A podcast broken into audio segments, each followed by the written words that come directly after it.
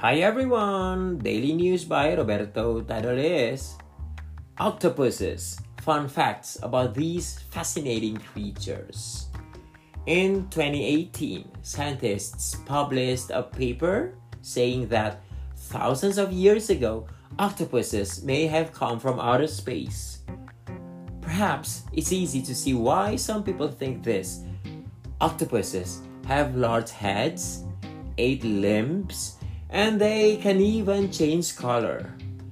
We may not know for sure if they're from outer space, but many will agree that octopuses are very interesting sea animals. Here are a few reasons why. 1. They're great problem solvers.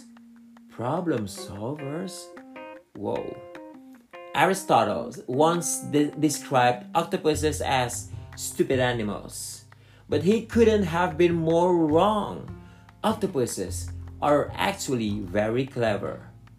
And two thirds of an octopus neurons are found in its arms, meaning each arm can do different things on its own, like it has its own small brain they can solve problems quickly and have been known to use items they find underwater as tools. Research has also found that they have very good long term and short term memories. Octopuses can also taste and smell using their arms, and if they lose one, they can grow it again. 2. Their arms are clever too. The word octopus comes from the Greek words octo means eight and pos meaning foot. But many scientists agree that an octopus uses its eight limbs more like arms than feet.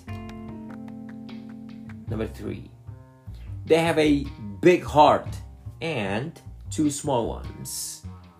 While one heart may be enough for us, octopuses have three.